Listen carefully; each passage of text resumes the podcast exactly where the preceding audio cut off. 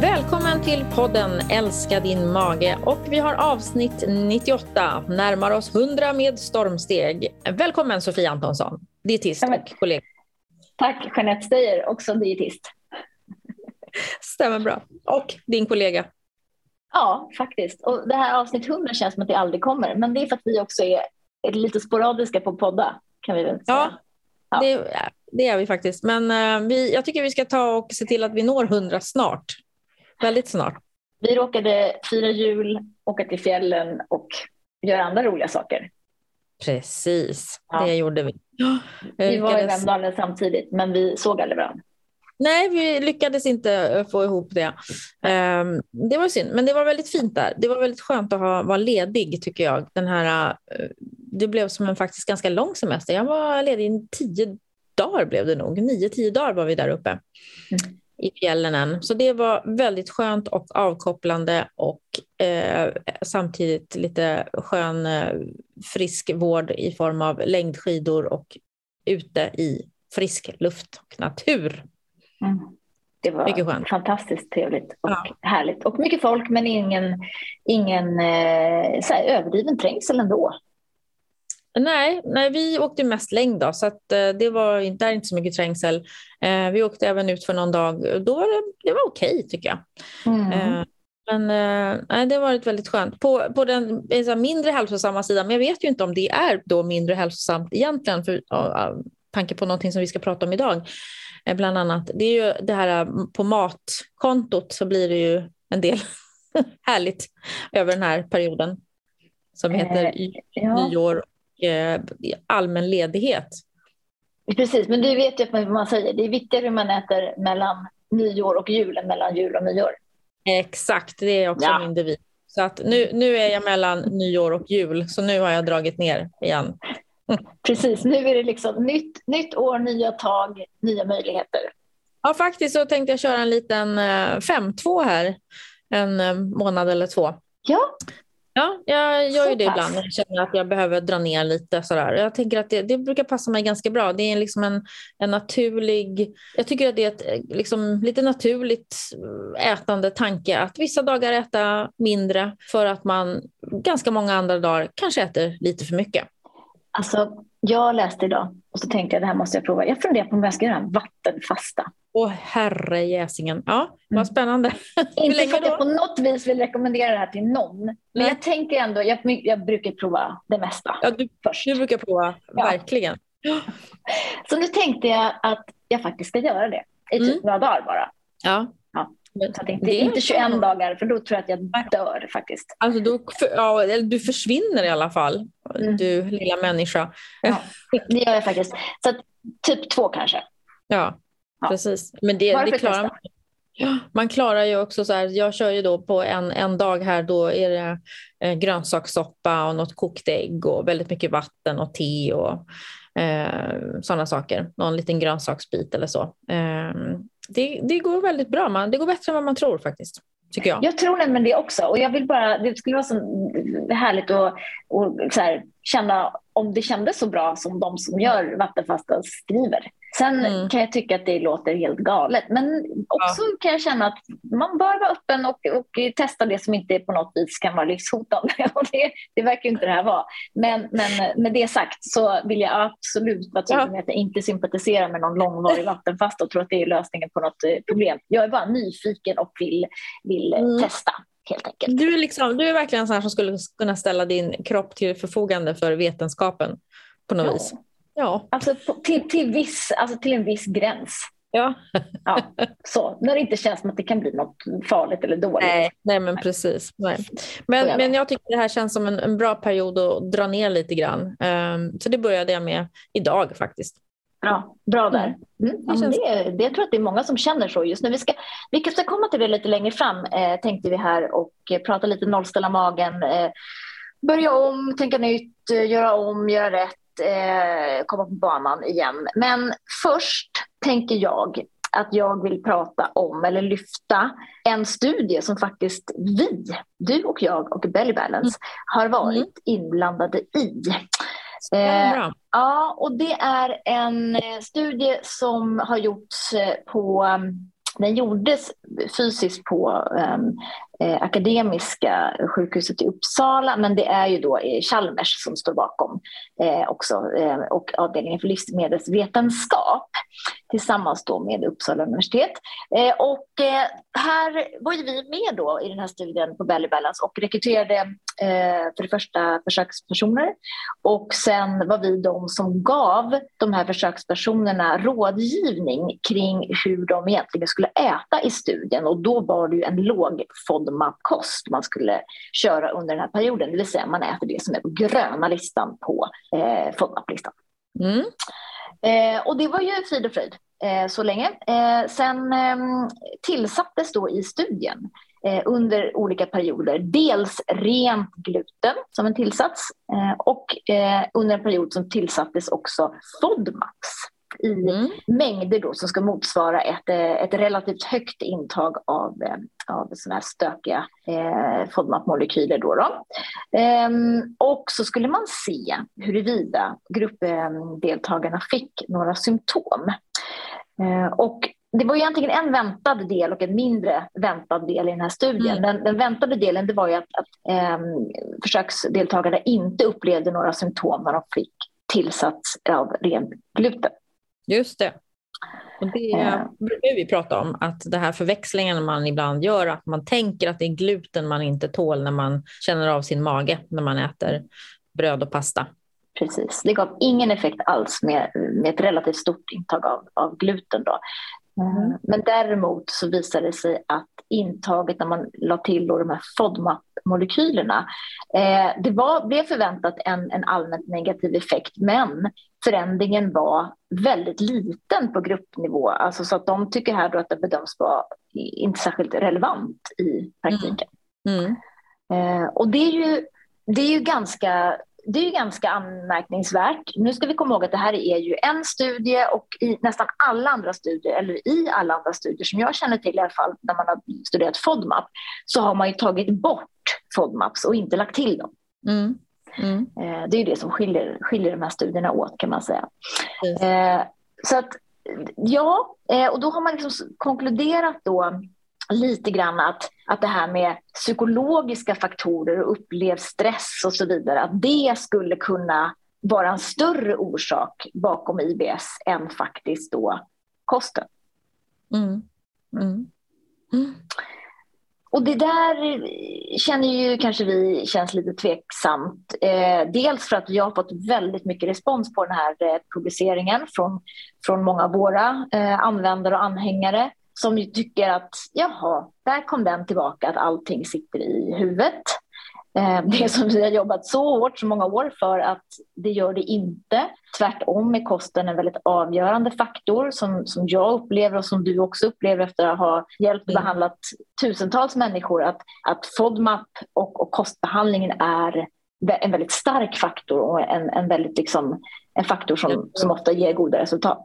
Mm, precis. Mm och, och, att man, den hjälper många. Eh, upplever, upplever vi verkligen när man behandlar. Men det är också det här som gör det är så svårt det här också med kost. Man tänker hur man då man försöker att få en effekt genom att man har tillsatt den här gröten med FODMAPs. Men, men, men liksom, eh, ett naturligt ätande är ju på ett annat sätt. Det är ju det här som är så svårt. Hur, hur, liksom, hur väl stämmer det överens med hur verkligheten funkar? Vad är det egentligen då som gör eh, att det blir på ett visst sätt när man äter vanlig mat med högre FODMAPs och så tar man bort det och så blir man mycket lugnare i magen till skillnad då från det här när man har lagt till det på ett, på ett sätt för att kunna se om det blir någon effekt och så får man inte mm. riktigt samma förväntande effekt. Det är väl också det här någonstans också jag tycker jag att man får ha i åtanke hur svårt det är att förstå vad som händer inne i vår mage med våra tarmbakterier och så vidare. Att Verkligen. Det, det, en, förväntad en effekt kanske? Ja, precis. Eh, och sen så är det eh, också tycker jag intressant ändå som de eh, också pratar om att man, man ska fortsätta, fortsätta den här forskningen för att liksom kunna kanske dela in människor, individer kategorier för att liksom bättre förstå att de här och liksom vilka, hur reagerar man olika på olika kost. Eh, och vem kan då liksom ha ännu mer, eller ha nytta av en kostbehandling och vem behöver någonting annat? Det, det är väl också, det tycker jag är ju, är ju bra om man försöker gå åt det hållet för att bättre förstå på individnivå vad det är man mm. behöver. Absolut. Men det är svårt. Jag, jag, kan också tänka, det kanske också när man läser om det sen i tidningen hur studierna presenteras så blir det ju väldigt lätt. I det här fallet blev det också eh, en, en överskrift som heter kost inte avgörande för vanligt tarmbesvär. Mm. Och det är ju liksom kanske att dra lite stora växlar på vad den här, vad den här studien visar. Mm. Eh, för kost är ju inte bara gluten och FODMAP-kost, det är många andra saker också. Och att jobba med kosten och få till det på ett bra sätt när man har IBS, både vad gäller ja, FODMAP, kostbehandling, men också hur och när och var man äter och få en större medvetenhet omkring vad det är som påverkar. Då skulle jag liksom våga säga det, att jo, kosten har en avgörande betydelse mm. eh, när det gäller den här typen av besvär. Ja, och, och som sagt, det här är en studie. Ja, det är absolut intressant. Jag vill inte förkasta det här på något vis, men vi ska ändå komma ihåg att merparten av alla studier, nästan stort sett alla studier där man har, har studerat FODMAP och effekten vid funktionella magtarmbesvär är ju mm. att de flesta blir hjälpta av att ta bort vissa livsmedel ur kosten. Mm, precis. Och Så det förhåller vi oss till. Ja, precis. Och bra, bra liksom forskningen som vi alltid säger, jättebra att det kommer fram olika aspekter på det. Om man forskar vidare, kanske hittar ännu mera, eh, som vi pratade om då, ännu bättre, kan, kan dela in i kategorier på folk, vem som passar bra till vissa typer av kostbehandlingar och vem som är mer hjälpt av andra. Men det är liksom inte antingen eller. Eh, också som man då skriver i, artikel att, eh, i den här artikeln att istället kan psykologiska faktorer vara viktiga. Ja, men det har vi kanske också varit medvetna om i, hela tiden, men det är ju inte istället för, utan det är ofta den här kombinationen i behandlingen som gör att det blir väldigt bra. Att man tittar och, och liksom kartlägger lite vad är kosten, hur, hur är jag där, hur mår jag i övrigt, vad är det för stressfaktorer jag har, hur mår jag? Det är det tror jag som ger liksom det bästa resultatet för de som, som lider av IBS. Verkligen. Mm. Det håller jag helt med om. Ja, men det här är intressant och det är eh, bra. Det kommer studier. Det välkomnar vi verkligen. Eh, men jag, återigen, det var likadant som den här socker och stärkelsestudien som, som kommer i höstas när man konkluderar någonting efter en liten studie. När det finns mm. mängder med andra studier på området som säger liksom, kanske inte tvärtom, men i alla fall inte samma sak. Mm. Ehm, då blir man lite så här, ja det är en studie men låt oss inte börja gå ut och ge några kostråd och dra slutsatser efter den här utan då behöver vi göra flera studier som bevisar samma sak. Mm. Precis. Sen kan jag inte tycka, och det, det är kanske inte specifikt för den här artikeln som, som, jag också har, som vi har framför oss just nu, eh, att när man ofta tycker jag, även i andra artiklar, när man läser artiklar om IBS, att det är ganska mycket faktafel, eh, tycker jag. Att man märker att kanske en del journalister som skriver om det inte är så insatta i det. Eh, du tänker på att 4% lider av IBS, stod i den här artikeln? Ja, ja, precis. Jag vet inte var den siffran kommer ifrån. Eh, mm. Och det är ju en, en, siffra som i alla fall mig veterligen eh, inte helt stämmer med de eh, siffrorna som har presenterats liksom, av alla större vetenskapliga eh, vad säger man, råd? Nej, men... Ja, sammanslutningar, organisationer ja, och eh, studier. Mm. Där pratar man ju worldwide någon siffra som heter mellan 9 och 23 procent så att man brukar ja. väl i alla fall prata runt 10-15 procent kanske generellt har, mm. har den här typen av problem. Mm. Ja. Men, ja, men, och det, kan vara, det är en sak, men jag tycker också man läser andra saker ibland också. När man, när mm. man, ja, för, och då kan det bli mer förvirring än att det klarar de som har IBS också som läser om det här. Då. Mm. Och det är det som gör mig så ont när det blir sådana här Alltså mm. när man äntligen kanske har lyckats så här, nu går vi på den här linjen, nu gör vi så här och sen så plupp, kommer det upp en studio så, mm. så, blir det, så blir det oro i leden. Alltså, men, nu, nu säger de det, ska vi, ska vi förhålla oss till det? Nej, det behöver mm. vi inte göra, nu kör vi vidare med det här och så tills vi vet mer. Det är liksom, ja, det, det, det gör mig lite ont att det blir så mycket sådär jag är rätt och finns det andra metoder och, och kanske skulle jag göra så här istället. Och, och då, då är man tillbaka till det här med sökandet hela tiden. Vi vet att många ja. de söker och letar och läser och försöker och, och, och sådär. Och då, då vill jag bara säga att den metod jag upplever funkar bäst efter alla människor som, som vi har träffat och hjälpt, det är fortfarande FODMAP eh, tills någonting annat eh, kommer upp och bevisar mm. sig vara lika bra. Då är jag mm. mycket Eh, öppen för att, eh, att slå in på den banan eh, också. Mm. Mm. Ja, precis. Och sen så mm, också komma ihåg att ja, det, det säger också de flesta studier att nej, det är inte alla, det är inte 100 procent som blir hjälpta av FODMAP.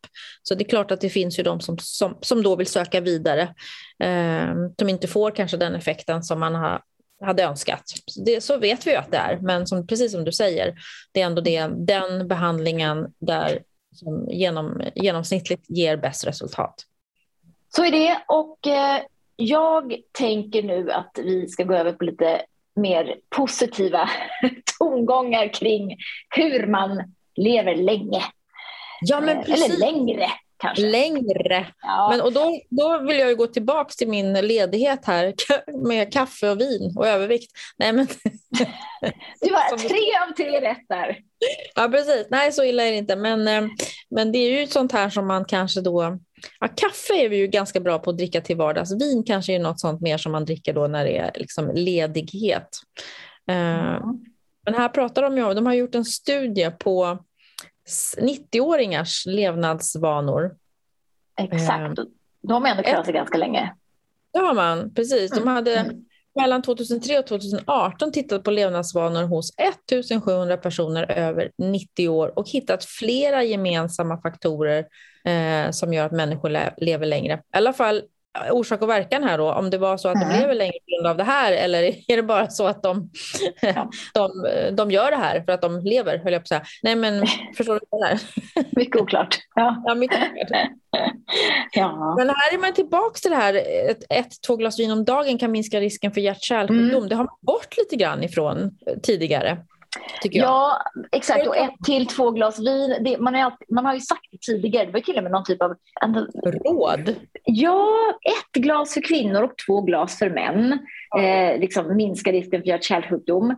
Ja. Och sen så kom man ju på det där att det när, när boxvinerna kom så kunde man liksom inte ha den typen av rekommendationer för det blev bara, det blev bara dåligt för folkhälsan för folk drack väl mer. Men, men eh, ja, man, man kan väl säga att, att vin i alla fall inte i, i mycket liten mängd då får man väl ändå säga eh, kan vara kanske positivt i det här fallet. I don't know. Mm. Jag har ju tidigare, tidigare varit ute och sagt att alkohol har aldrig några positiva effekter på hälsan. Drick inget. Nej, men det, det, är ju precis som IBS, höll jag på att säga. Det här med alkohol är ju rätt komplext. Det är, liksom, ja, det, det är en, en, slags gråzon eh, som kan ställa till det med, med saker eh, också. Och det kan ställa till det även i mindre mängd och det är det man inte riktigt vet. Var är den, den mängden för var enskild person? Utan det här är ju, det här är ju till exempel då Bertil Marklund heter han, professor i allmänmedicin och folkhälsa som länge har intresserat sig för människor människors hälsa och livslängd säger ju detta då här mm. i samband med den här forskningen man har gjort, studien man har gjort. Att det här med att ett till två glas vin eh, skulle vara bra. Så jag det... en hutt. Kan man, en kan man sträcka sig till det? Alltså två glas ja. vin, då, skulle jag, då blir jag ju packad. Det går Nej, men inte. Gud, jag skulle bli som, ja, men herregud, var, varenda kväll. Det går inte an. Men, men en liten hutt rödvin om dagen skulle jag kunna tänka mig. Ja, Som en medicinkopp liksom. Ja, men precis, precis. Ja. Ja. Och kaffe då? Och kaffe då. Det är mm. jättebra. Herregud. Mm. Ja, ja. Vilken tur då. Det är väldigt bra. Och sen också är det faktiskt så här, tro det eller ej, övervikt och fetma hos äldre är kopplad mm. till mindre död. Mm. Precis, och nu ehm. pratar vi ju liksom mm. äldre, lite äldre äldre här också, för det här var personer som är över 90 år. Ja. Eh, och man kan ju tänka sig, nu sitter jag bara och tänker högt där, men man kan ju tänka sig att kanske de här människorna Frågan är om de har varit, haft övervikt och fetma i hela livet eller om det är någonting som kanske har kommit lite på, på senare år då för de här människorna när man lever så länge. Eh, mm, det ska ju inte många extra kilon till för att man klassas in under överviktskategorin, alltså BMI över 25. Och där har man ju tidigare, det kommer jag ihåg, vi fick lära oss på skolan också, eh, att just BMI runt 27 för äldre var ganska bra att ha. Där har man sett mm. en högre överlevnad eh, när man hade ett BMI som låg där omkring då vid olika sjukdomstillfällen. Men alltså om du tänker så här, de som, som man känner till som är liksom 90 eller över 90, ja. alltså de är ju inte stora. Nej, de, precis. De brukar Nej. inte vara det. Precis. Det brukar vara små fågelungar. Liksom. Så ja. det är nog inte heller lätt, tänker jag, som plus 90-åring att försöka få, få till någon, någon övervikt eller fetma. Men man behöver då inte vara lika orolig liksom för sin övervikt om man är eh, lite äldre. Eh, för, för äldre ganska mycket äldre. Alltså. Ganska mycket äldre då, ja precis. Ja. Mm. Men det, precis som du säger, det brukar faktiskt mer handla om att, att behålla vikten när man blir äldre för att man tappar också mycket muskelmassa och blir mera inaktiv och så vidare, får mindre aptit och de olika saker då som spelar in. Så att, mm. Mm. Eh, men men eh, några kilo extra är nog inte så dåligt att ha när man börjar bli framåt 90. Just det. Det är mycket så positivt. jag laddar, laddar för det redan. Mm. Bra, bra. Du börjar blicka du för, fördricker lite grann så att säga. Fördricker, ja precis. Nej, då. Nej, det där skulle jag nog inte klara faktiskt. Jag, jag, det, det, att dricka vin varje dag, det är inte jag. Nej. Det, det, är svårt. Eh, det tar faktiskt lite grann emot. Eh, men vi kanske får, eh, får ta den här lilla, lilla hutten. Vi är sponsrade av Alflorex. Eh, ett probiotiskt tillskott med en eh, jättefin bakterie som heter bifidobacterium longum 35624. Vad gör då lilla bifidobakterien? Jo, den agerar eh, lite sådär eh, hälsosamt kan man säga i vår tjocktarm. Eh, den hjälper till att bryta ner FODMAP-fibrer. Den eh, genererar smörsyra och det är ju någonting som man verkligen vill ha mycket av i sin tjocktarm. För smörsyran gör i sig tarmslemhinnan hälsosam och eh, lite tät och det vill man också ha.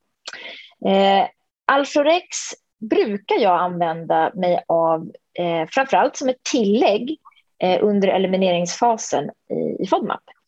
Eh, och anledningen till det är ju dels att man vill ha lite hjälp att bryta ner de här bråkiga fibrerna men också faktiskt för att man har sett att i, under elimineringsfasen så tenderar mängden bifidobakterier att minska lite grann eftersom man tar bort eh, bland annat då lök och vitlök som är den naturliga födan till de här bakterierna. Då kan man stötta upp med, med Alforexen där till en början. Det brukar bli väldigt, väldigt bra. Eh, och Alforex tar man en kapsel per dag och gärna med mat eh, till frukost. Eh, och då får man ännu mer gärna ta den med lite fil och yoghurt. Då har man sett att överlevnaden av bakterierna är extra bra. Så alla ni som vill testa Alforex eh, tar ni och köper och så lägger ni till en per dag och så kan man utvärdera efter minst skulle jag vilja säga då, fyra eh, veckor, gärna åtta, eh, hur man tycker att det fungerar. Alltså jag har ju, jag har ju läst eh, snart en bok som mm. heter mm. Man heter åldras baklänges. Jag ska inte prata så mycket om den idag, för jag ska prata om den nästa avsnitt tänker jag. Eh, för det finns så mycket så att man bara liksom, man, bara svimmar nästan när man läser den här boken. Den är så intressant. Alltså om man nu mm. gillar hälsa och kost och näring och ja. leva länge och så. Ja, men det som är Eh, Niklas då, då, som har skrivit eh, den här boken, eh, han är ju ja. en, en, ung kille, alltså han är 25 typ. Eh, Niklas Brännborg. Han är biomedicinare och, eh, och eh, dansk. Ja. Ehm, ja. Och han säger då två saker. använd tandtråd och ja. Ge, ge, blod. Det är liksom de två grejerna som om man ska, förutom då att man ska äta grönsaker och träna och, och sådär. Mm. Men, men jag tänkte då eh, slå fast lite på det här med att lämna blod. Jag ska lämna blod imorgon förstår du. Jaha. Ja, eh, och eh, får se hur det går om jag får. Mm. För att jag mm. brukar ha lite lågt blod, eh, blodvärde eller järnvärde. Så att det mm. brukar vara lite stopp ibland. Och då får jag hem ett mm. brev så här. Men nu nu har du lite för låga järndepåer så nu får du inte lämna ja. på ett halvår. Men det spelar ingen roll. Um, då får jag äta, äta lite, lite järntillskott och sådär så, så brukar det ordna sig. Men då kan man fråga sig så här, vad är det för någonting nu då som, som har, liksom, är det något nytt det här med att lämna blod och att det är positivt? Nej, det är ju inte det. Alltså vetenskapen är tydlig. Blodgivare överlever alltid icke-blodgivare. Även när man korrigerar för det faktum att blodgivare då generellt har ett friskare kostmönster, livsmönster, stressar mindre, äter mer grönsaker, bla bla bla, bla, bla röker inte och, och sådär. Men, ja. men när man, även när man liksom korrigerar för de faktorerna så är det ändå så att blodgivare lever längre. Mm. Det vet man. Åderlåtning höll man på med på ja. 1800-talet, 1700-talet. ja. det, det verkar också som att alltså det, det fanns ju liksom en poäng med det. Ja, man, mm. där tänkte man väl med att man tappade ut det här sjuka. Liksom. Ja, vilket ju var men det, förmodligen korrekt. Ja, men, ja, precis. För när man eh, ser vad som man säger nu då, liksom om att blod, blodtryck kunde sjunka och blodsockernivåerna sjönk och när man har då tappat ut ett par deciliter blod. Ja, men precis. Alltså, man har ju egentligen inte vetat helt varför det skulle vara bra att, att lämna blod. Eh, men men eh, Niklas, då, författaren till boken, menar ju att mm. det skulle kunna vara för att man då utmanar kroppen lite grann på samma sätt som man gör vid motion. Det vill säga man påfrestar kroppen mm. så pass mycket att den skruvar upp då vissa försvarsmekanismer. Men det finns ja. också en, en försök då som tyder på att blodet då kan påverka åldringshastigheten. Mm. Då, har man, då har man tittat på på möss då, att om en gammal mus och en ung mus blandar blod så, ja. så begyn, alltså, begynner, jag läser danska nu därför jag säger beguna. Ja. Ja, ja. Så, så är det så att då börjar de att närma sig eller påminna om varandra åldersmässigt. Mm. Det är sjukt. Mm. Ja. Mm. Så att om jag skulle byta blod med en liksom 14-åring då skulle jag börja bli yngre mm. och den personen skulle börja bli äldre. Nu är du något på spåren. Det, här kommer, det, kanske redan finns som en så här föryngringskur. Alla som letar efter evig ungdom. Det är Exakt. Ja, men verkligen. Det finns studier sedan tidigare som faktiskt eh, verkar eh, även ta med då de här metabola faktorerna som övervikt, högt blodtryck, eh, blodfetter, blodsockervärden. Eh, mm. som man då brukar prata om som det metabola syndromet. Och det här är ju livsstilsrelaterat och kostar oss grymt mycket pengar. Och nu är det en tysk forskargrupp eh, i Berlin som då har, eh, eh precis som du sa, då, tappat eh, en del eh, blod då från människor, 64 personer, 25 till 70 år, mm. där hälften av dem då fick lämna blod vid två, två tillfällen.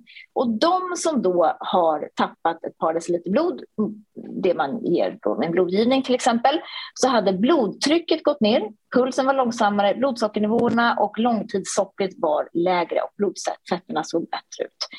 Alltså mm, det är mm. ju helt... Det är, alltså, man vill ju bara att blodcentralerna ska ta den här studien, skriva banderoller, gå ut på tunnelbanan och göra reklam för att lämna blod. Precis, de försöker ju. Det ser man ju, att de gör reklam för det. Men... fast de gör bara reklam för att så här, göra något för and andra, ja, att många behöver, behöver ditt blod. Det är det som behövs, den här mera egoistiska synen på det. Må bra. Ja. Liksom. Må bättre. Föryngra dig. Precis. Mycket intressant tycker jag det här. Jag har faktiskt också funderat på det här med att lämna blod och, men inte gjort någonting åt det. Men det tror jag ska bli ett uh, nyårslöfte i 2022. Jag ska lämna blod helt enkelt. Gör det, eh, no offense, innan du når upp till en ålder av, jag vet inte, för jag får väldigt många frågor Ja. Eh, och då, nu ska man vara lite uppmärksam nämligen för att det är olika åldersgränser i olika regioner på att få lämna blod. Mm. Eh, men de flesta vad jag förstår har en högre åldersgräns om man har lämnat blod tidigare. Så är man pågående blodgivare så får man lämna blod ja. längre upp i åldern. Okej, okay. ja, intressant. Jag tittar lite, googlar lite snabbt här, då pratas det om 60 och 65 så jag har väl några år, ja. på, mig, år på mig. Då. Mm. Om du börjar nu så kan du liksom fortsätta lite längre. Så kan man fortsätta. Ja men precis, bra, mm. bra tips. Mm. mm. Det, blir, det blir liksom lite nyårs, eh, nyårs, nya tag här. Nya tag, ja mm. exakt. Mm. Bra, eh, då tänker jag att vi innan vi rundar av här eh, så kan vi väl bara skicka med våra, våra bästa tips nu på hur man ska tänka då, då. Nya året, hur ska man tänka med magen för att komma igång? Hur ska jag göra? Var ska jag börja? Liksom, vad har vi för tips där? Oj, eh, vad har vi för tips? Eh, när man tänker sig nu om man har haft en Ehm, den här perioden som vi har pratat om då kanske med, med, med mycket mat och, och saker inte har blivit eh, sådär som man har tänkt sig. Vardagsrutinerna har försvunnit, vilket ju kan också vara väldigt skönt och avstressande. Eh, men så kan man ju tänka lite på att magen mår ju oftast väldigt bra. En känslig mage mår bra av eh, hyfsat, eh, hyfsade rutiner, regelbundenheten, att äta Eh, på regelbundna tider, ofta mindre måltider, lite oftare än stora få måltider, mår ju magen ofta bra av. Att man eh, inte bör, det första man tänker är att man blir jättestressad av att man ska igång med massa saker utan ta en sak i taget, små steg. Eh, börja göra förändringar som du mäktar med. Um, istället för att tänka att du ska gå hårt ut och göra allting på en gång och sen efter två veckor så orkar man inte det. Och det kan ju gälla både kost men också träning och så som vi ju så ofta ser här i januari månad när det blir fullt på våra gym och så vidare. Mm. mm. Så det är väl mina tankar omkring det. Eh, man kan, har man hållit på med FODMAP tidigare, eller man kan kanske friska upp minnet, ta tag i de där listorna eller titta och tänka, ah, men har jag glidit av spåret för mycket, behöver jag kanske tillbaka lite grann till de saker jag vet funkar att äta. Um, lite så, lugna ner magen ett tag och sen börja lägga tillbaks lite igen successivt. Verkligen. Ja. Mm.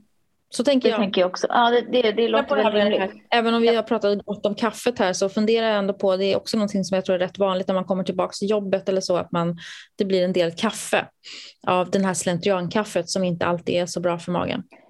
Verkligen. och det är också lätt att så här, lite så här, ja men jag tar en sån och så går det bra, så tar jag lite sånt och så, och så rätt som det så finner man sig själv i en ganska dålig spiral. Mm. Magen blir sämre och sämre. Så att det handlar väl om att kanske gå tillbaka lite grann till, till utgångspunkten där ruta ett. Och ibland får man köra om en liten eliminering ett par veckor och bara känna att man är liksom på rätt spår igen. Eh, och sen också tänker jag att man tar det lite steg för steg eh, och känna efter hur, hur pass mycket annat är det som påverkar mig just nu. Mm. Ehm, det är ju alltid så här när man ska igång från en längre period när man har varit ledig och eh, om det nu är efter sommar eller vad det är. Det, är liksom, det tar ändå, det, det drar ju igång på liksom i 140 oftast. Mm. Ja. Och då påverkas ju magen ofta av det också. Ja, precis. Att, ja, mm. det gäller att hålla liksom, huvudet lite kallt, mm. händerna rena och hjärtat varmt, eller vad var det man sa här i samband med corona? Det är ändå rätt bra. Ja, det, det, hur man håller hjärtat varmt vet jag inte riktigt, men det, man kanske klär sig på något specifikt sätt. Ja, men att man tänker att man har omtanke och kärlek omkring sig själv och andra. Så blir det bra. Ja. Mm. ja, men det blir det. Um, men uh, bra tips och uh, jag tänker att nästa avsnitt är ju avsnittet innan jubileumsavsnittet. Så att um, ja, nu, nu börjar det hända här. Nu ska vi se, vi kanske ska, till och med ska ta in en gäst till avsnitt 100. Ja, vi kan försöka se om vi kan locka någon. Ja, det kan vi säkert tänka. Att nu, nu har ni hört oss så länge gagga på här så nu får vi, nu får vi lätta upp stämningen lite här med någon ny. Med någon annan. Hörrni, tack så hemskt mycket för att ni har lyssnat på oss eh, idag. Eh, vi är evigt tacksamma för detta. Sprid gärna podden till de som ni tänker skulle kunna behöva en del, gärna i sociala medier. Läs gärna på hemsidan bellybalance.se. Ladda också då ner appen Bellybalance och testa på behandlingen. De första fyra stegen gratis. Vår eminenta FODMAP-skanner kan man nämligen också eh, prova alldeles gratis. Vill du snacka med någon av oss dietister lite sådär one-on-one så är det helt enkelt bara att gå in på hemsidan. Leta upp fliken som heter Boka tid med dietist och ta en tid som man tycker passar sig där och välja eh, då en lämplig dietist och boka in sin konsultation. Och det kan man också göra eh, via sin eh, sjukvårdsförsäkring eller sitt friskvårdsbidrag så vackert. Ja. Mycket. Ja, men du fick med det hela tror jag där. Tror det va? Jag har inget att tillägga. Underbart. Och, ha det så ehm, bra. Ja, Alice, detsamma. Och du också Sofia, ja. så hörs vi snart igen. Det gör vi. Bra, bra. Hej, hej. hej.